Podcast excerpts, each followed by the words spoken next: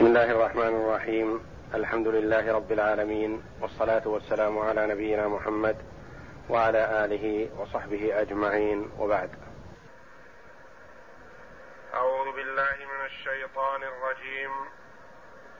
وعرضنا جهنم يومئذ للكافرين عرضا الذين كانت أعينهم في غطاء عن ذكري وكانوا لا يستطيعون سمعا. أفحسب الذين كفروا أن يتخذوا عبادي من دوني أولياء إنا أعتدنا إنا أعتدنا جهنم للكافرين نزلا.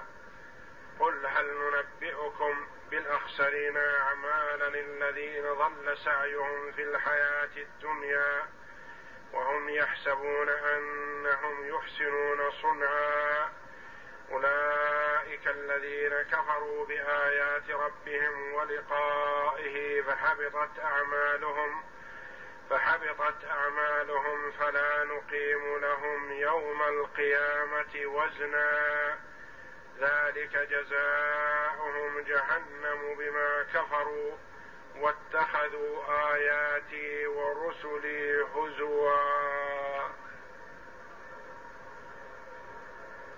بعدما بين جل وعلا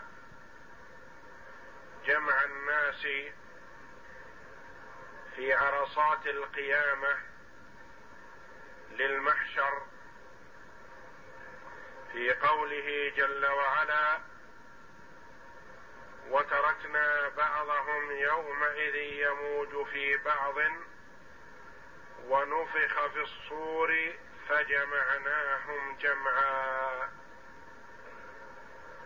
بعدما ينفخ إسرافيل عليه السلام في الصور وتتطاير الأرواح كل روح تتجه إلى جسدها ويجمع الله جل وعلا الأولين والآخرين في صعيد واحد. يقول جل وعلا وعرضنا جهنم يومئذ للكافرين عرضا. والعرض هنا بمعنى الإظهار. يظهرها الله جل وعلا لهم فيرونها بأعينهم قبل أن يدخلوها. فيكون هذا زيادة في عذابهم. حيث أن توقع العذاب وتحقق وقوعه عذاب إلى العذاب الذي ينتظرهم.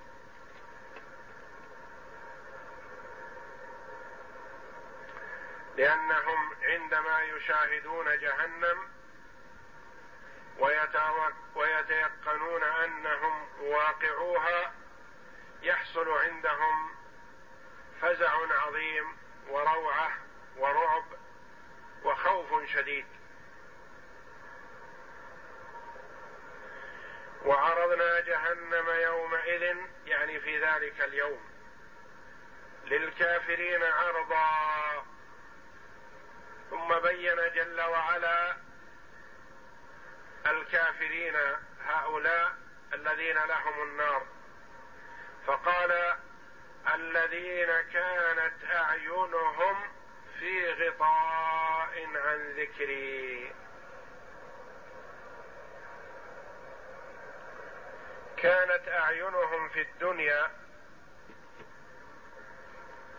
كأنها مغطاة عما يسبب ذكر الله. أعينهم أعين وجوههم وأعين بصائرهم. أعين قلوبهم مغطاة لا ترى ولا تحاول أن تراه.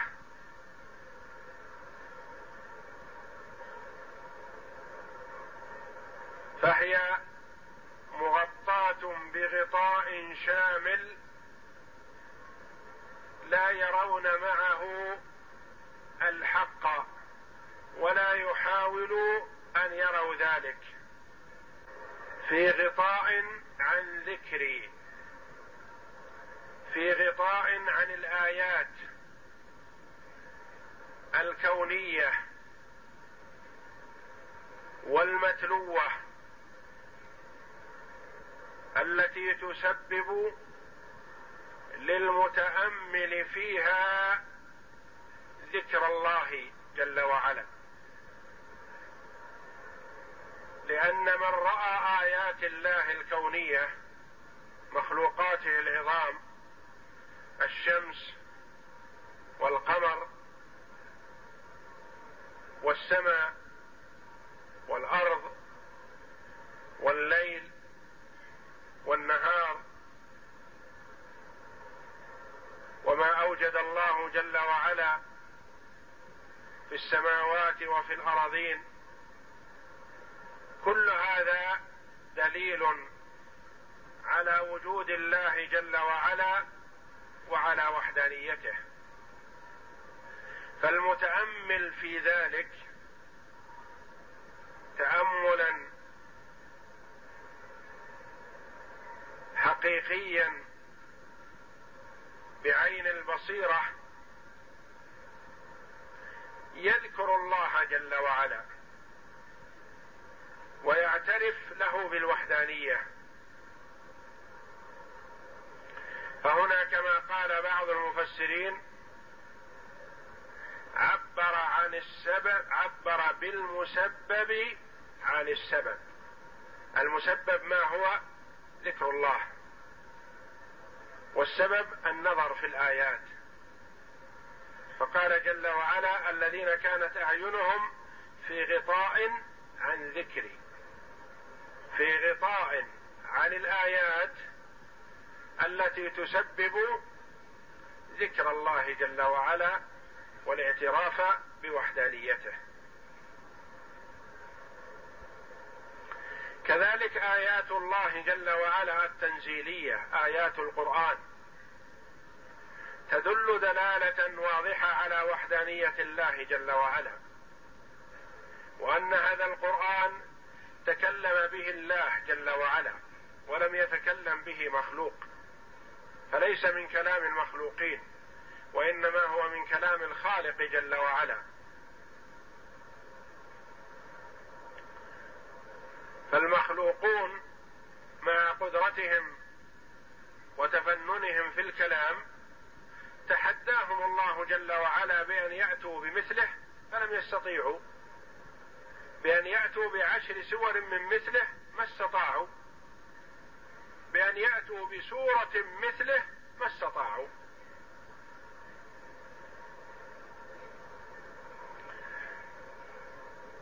فإتيان النبي صلى الله عليه وسلم بهذا القرآن العظيم دليل على صدق محمد صلى الله عليه وسلم في رسالته وعلى صدقه صلى الله عليه وسلم في دعوته. وأنه يدعو إلى إفراد الله جل وعلا بالعبادة. فلو تأملوا بعين البصيرة لآمنوا بالله. لكنهم غطوا أعينهم وحجبوا بصائرهم عن الانتباه والإصغاء لما جاء به محمد صلى الله عليه وسلم فلذا كان جزاؤهم ما سيذكره الله جل وعلا. وكانوا لا يستطيعون سمعا. لا يس كأنهم يتعذر عليهم الاستماع للقرآن ولدعوة النبي صلى الله عليه وسلم. ولم يقل عنهم جل وعلا إنهم صم لأن الأصم قد يسمع إذا رفع له الصوت. وهؤلاء هؤلاء قال عنهم جل وعلا وكانوا لا يستطيعون سمعا. يعني حجبوا أبصارهم وامتنعوا بأسماعهم عن السماع. كل هذا معاندة للحق وردا له. وكانوا لا يستطيعون سمعا. فلا يرون رأي عين ولا رأي بصيرة ولا يحاولوا أن يسمعوا. ثم قال جل وعلا مقرعا لهم منكرا عليهم. أفحسب الذين كفروا أن يتخذوا عبادي من دوني أولياء؟ أكفروا فحسبوا أن يتخذوا عبادي من دوني أولياء؟ الاستفهام هنا استفهام تقريع وتوبيخ. والفاء هنا عاطفة على مقدر. وقد تقدم أمثال ذلك كثير. فهو ينكر عليهم جل وعلا كفرهم وهذا الحسبان الذي هو ظن منهم. أكفروا فظنوا فظن الذين كفروا أن يتخذوا عبادي من دوني أولياء وأني لا أعاقبهم على ذلك. والحسبان هنا بمعنى الظن الذي لا حقيقة له لا صحة له.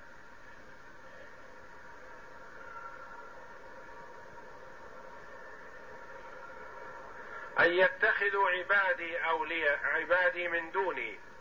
العباد اتخذ هؤلاء عباد الله معبودين لهم من دون الله.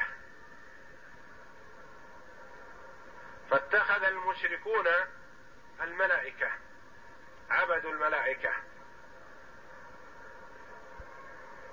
واتخذ اليهود عزيرا. واتخذ النصارى المسيح ابن مريم.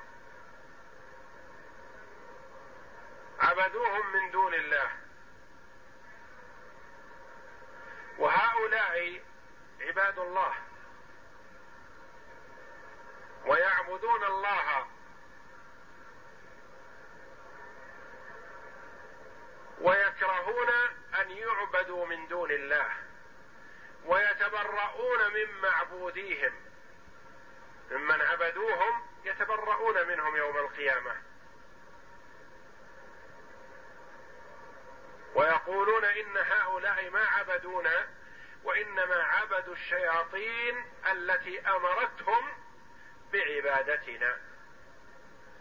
فمن عبد الملائكة أو عزير أو عيسى فهو ما عبد هؤلاء حقيقة وإنما عبد الشيطان. لأن الشيطان هو الذي أمرهم بعبادة هؤلاء فأطاعوه. والطاعة في المعصية عبادة. أفحسب الذين كفروا أن يتخذوا عبادي من دوني أولياء؟ فلا أغضب عليهم إذا فعلوا ذلك. إنا أعتدنا هيأنا جهنم للكافرين نزلا. النزل يطلق ويراد به المنزل. فيقول الله جل وعلا إن أعتدنا جهنم للكافرين منزلا منزلا لهم مأوى. ويطلق النزل على ما يعد للضيف. من مسكن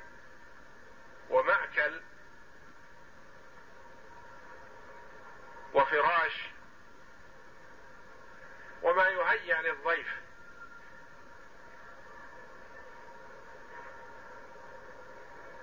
فإذا كان بهذا المعنى فهذا على سبيل التحكم بهم التحكم بالكفار.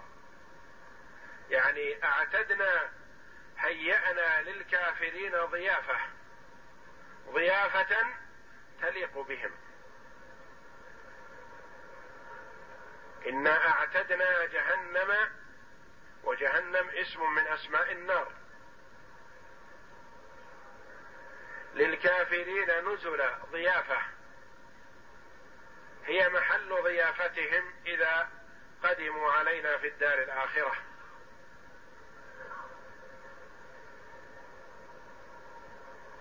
كما قال الله جل وعلا فبشرهم بعذاب أليم. من باب التحكم والسخرية بهم. أن نخبرهم الخبر المخزي المحزن القبيح بالنسبة لهم نقول بشرهم بذلك. ثم قال الله جل وعلا لمحمد صلى الله عليه وسلم عبده ورسوله قل هل ننبئكم بالأخسرين أعمالا. قل هل ننبئكم؟ هل نخبركم؟ بالأخسرين الذين خسروا في أعمالهم. بالأخسرين اعمالا أعمالا تمييز لنوع هذه الخسارة. لأن الخسارة أنواع. خسارة في المال. وهذه أهون الخسارات. وخسارة في البدن. وخسارة في الدين. وهي أسوأ الخسارات والعياذ بالله وأفظعها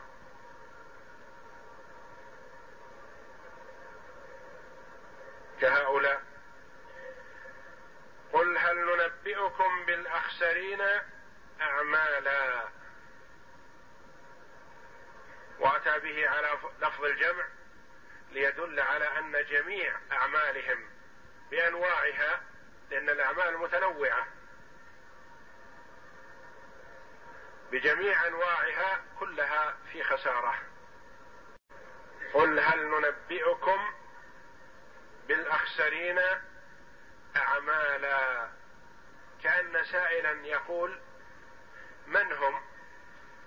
فقال الله جل وعلا الذين ضل سعيهم في الحياة الدنيا وهم يحسبون أنهم يحسنون صنعا. هؤلاء أخسر الناس. لأن من يعمل ويدري أن عمله لا قيمة له هذا أهون. ومن يعمل وهو يظن أن عمله ينفع فإذا به غير نافع هذا أشد خسارة. الذين ضل سعيهم في الحياة الدنيا وهم يحسبون الواو هنا واو الحال. والجملة يحسبون أنهم يحسنون صنعا حالية. الذين ضل سعيهم والحال أنهم يحسبون أنهم على هدى وأنهم على طريقة حسنة.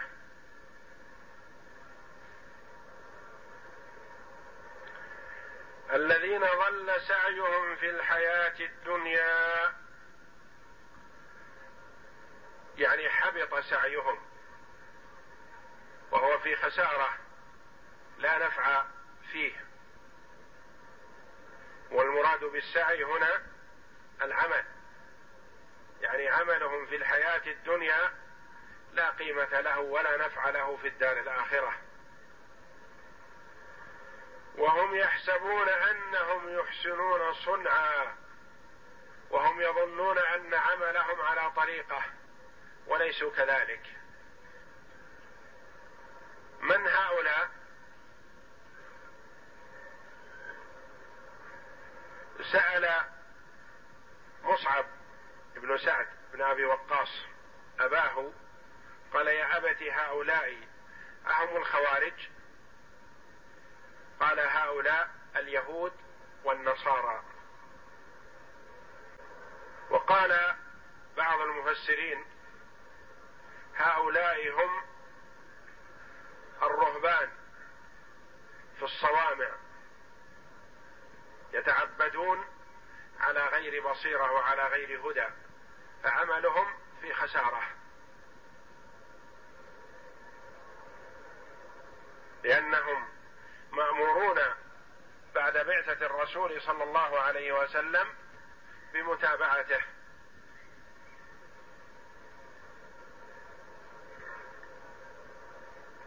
وقال الإمام علي بن أبي طالب رضي الله عنه هؤلاء يشمل الخوارج وغيرهم. واليهود والنصارى. ومن يعبد الله أو يتعبد على غير بصيرة وعلى غير هدى. فالأولى أن يقال إنها عامة وليست خاصة بفئة. وإنما هي عامة في كل من تعب وعمل ولم يهتدي للصواب. فعمله خسارة وتعب عليه ولا فائدة له في الدار الآخرة.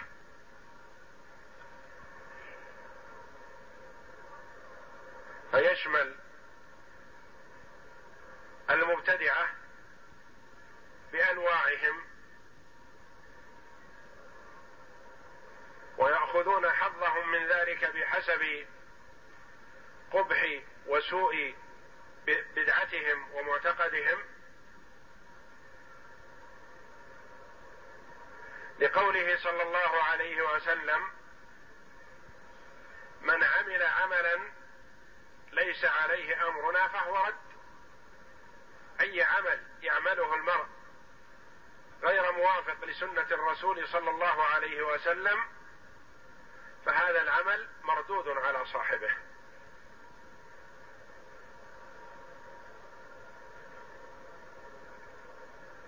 ففي هذه الآية الكريمة تحذير لأهل البدع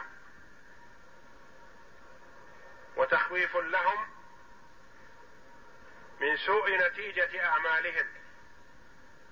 وأن عليهم أن يستدركوا ويرجعوا للصواب ويأخذوا بسنة النبي صلى الله عليه وسلم ويعضوا عليها بالنواجذ. ويتركوا البدع والمحدثات. وإن كان عليها الآباء والأجداد. فالحق ما جاء في كتاب الله أو سنة رسوله صلى الله عليه وسلم وإن قل الآخذون بذلك. والباطل والضلال ما خالفهما وإن كثر الآخذون بذلك والمتمسكون به.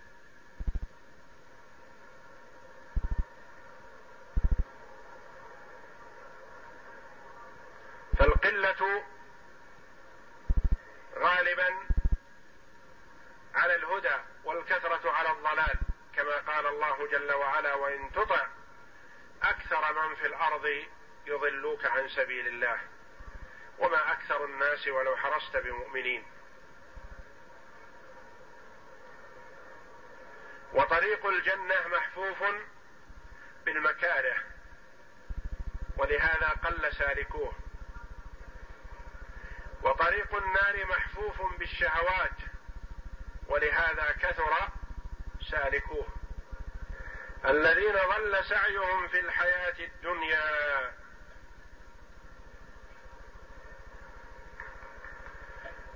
وهم يحسبون أنهم يحسنون صنعا. أولئك الذين كفروا بآيات ربهم. هؤلاء هم الأخسرون أعمالا. الذين كفروا بآيات ربهم ولقائه.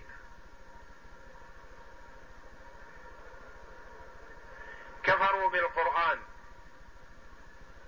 كفروا بالدلائل الدالة على وحدانية الله جل وعلا.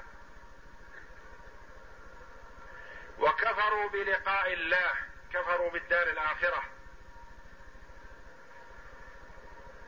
وإنكار الآخرة كفر. كفروا بآيات الله ولقائه فحبطت أعمالهم. حبطت. كل العمل الذي عملوه حبط. لا قيمة له.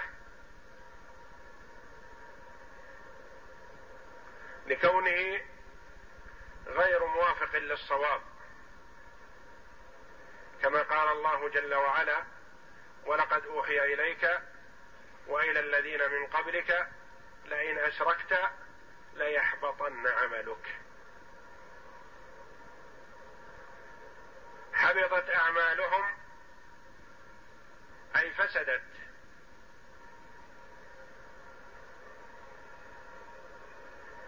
ولم يكن لها نفع عند الله جل وعلا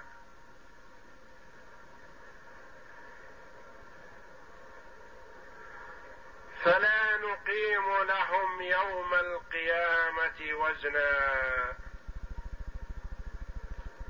هؤلاء لا قيمة لهم عند الله جل وعلا ولا جاه وليس لهم منزلة.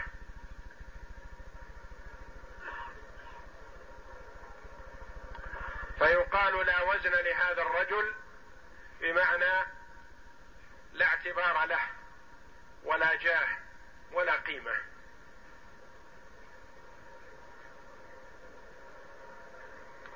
ويجوز أن يكون المعنى أن هؤلاء لا توزن أعمالهم وليس لهم ميزان يوزنون به في الدار الآخرة. لأن الوزن لمن له حسنات وسيئات. من الموحدين. فيوزن وتوزن أعماله أيها أكثر. وأما حابط العمل فلا يوزن لأنه يوزن مقابل ماذا؟ ما له حسنات يوازن بها بينها وبين السيئات. هؤلاء إلى النار مباشرة.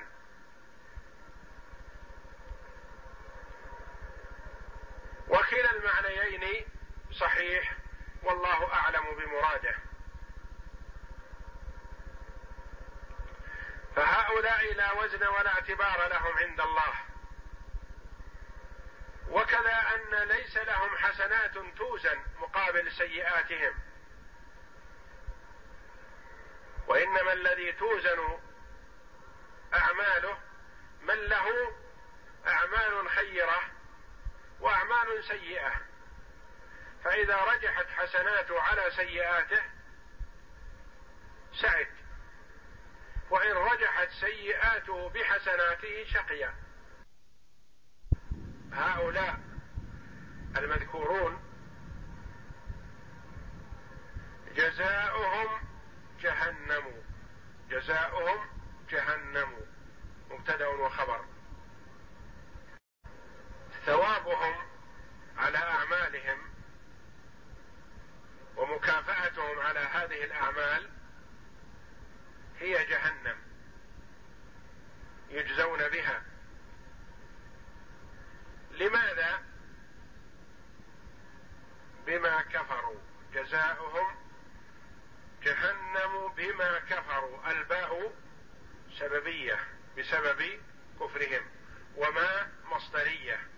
تسبك هي وما بعدها بمصدر بسبب كفرهم. بما كفروا كفروا بالله جل وعلا واتخذوا آيات الله جل وعلا. القرآن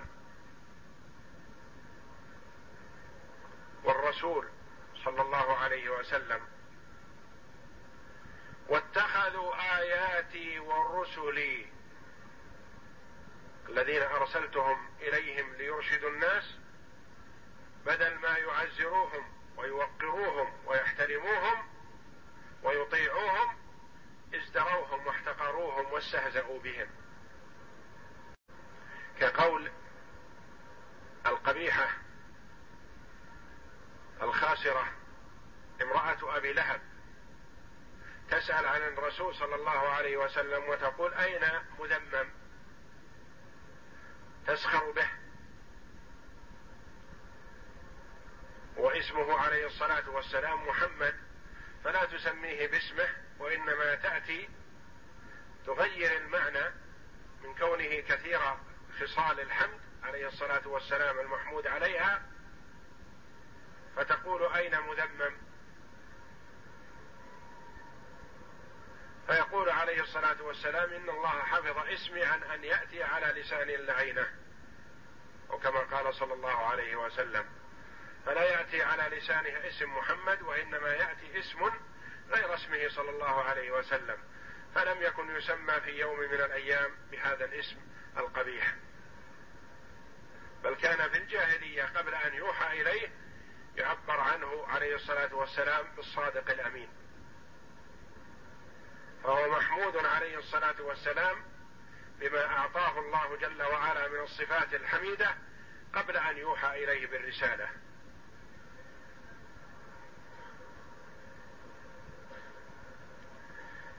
واتخذوا آياتي ورسلي هزوا.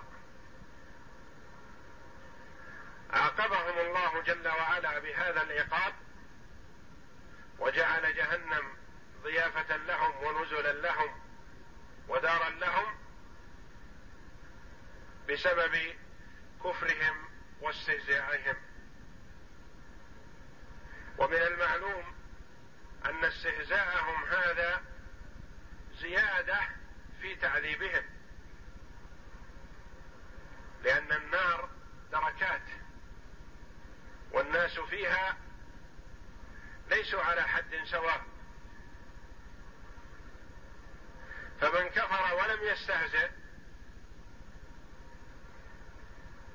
أقل عقوبة ممن كفر واستهزأ أو كفر وصد الناس عن الصراط المستقيم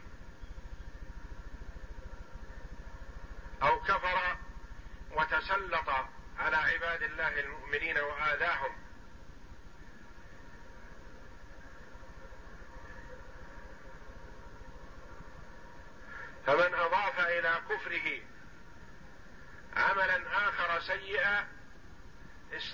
به زيادة العذاب والعياذ بالله.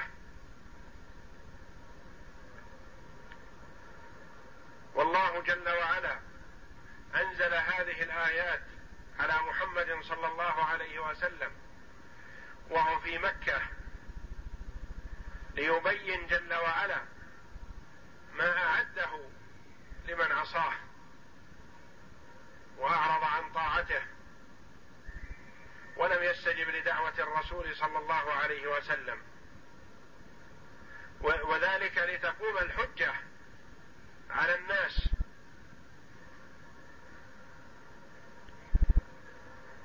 وتبلغهم الدعوه فمن اعرض وتكبر واستهزا وسخر بعد هذا البيان والايضاح فماواه ومرده إلى جهنم وبئس المصير ومن استجاب واهتدى واتبع النبي صلى الله عليه وسلم فمآله إلى جنة عرضها السماوات والأرض كما سيأتي بيان ذلك في الآيات التالية في إن شاء الله والله أعلم. وصلى الله وسلم وبارك على عبد ورسول نبينا محمد وعلى آله وصحبه أجمعين.